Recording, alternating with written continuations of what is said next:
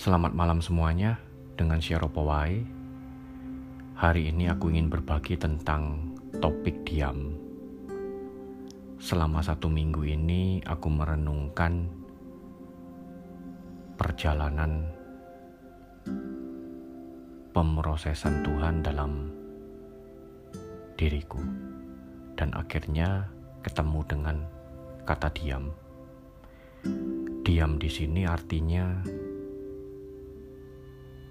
diam untuk melakukan sesuatu, diam untuk bergerak, diam untuk menyadari bahwa ada kesalahan yang sudah aku lakukan dan harus aku perbaiki.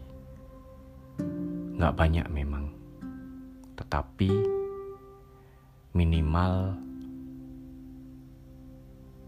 aku sudah melangkah, walaupun itu masih langkah kecil tetapi langkah kecil itu aku yakin akan terus berjalan menuju langkah-langkah kecil yang berikutnya dan banyak.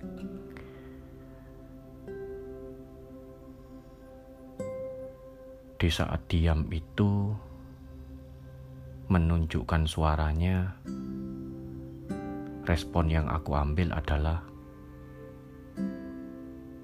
merenungkan kembali.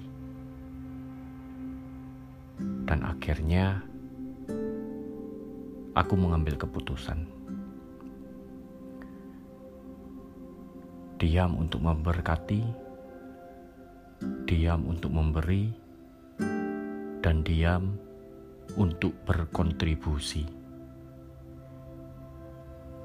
Dan itu yang sedang aku lakukan bukan hal yang mudah, tetapi aku sudah melangkah.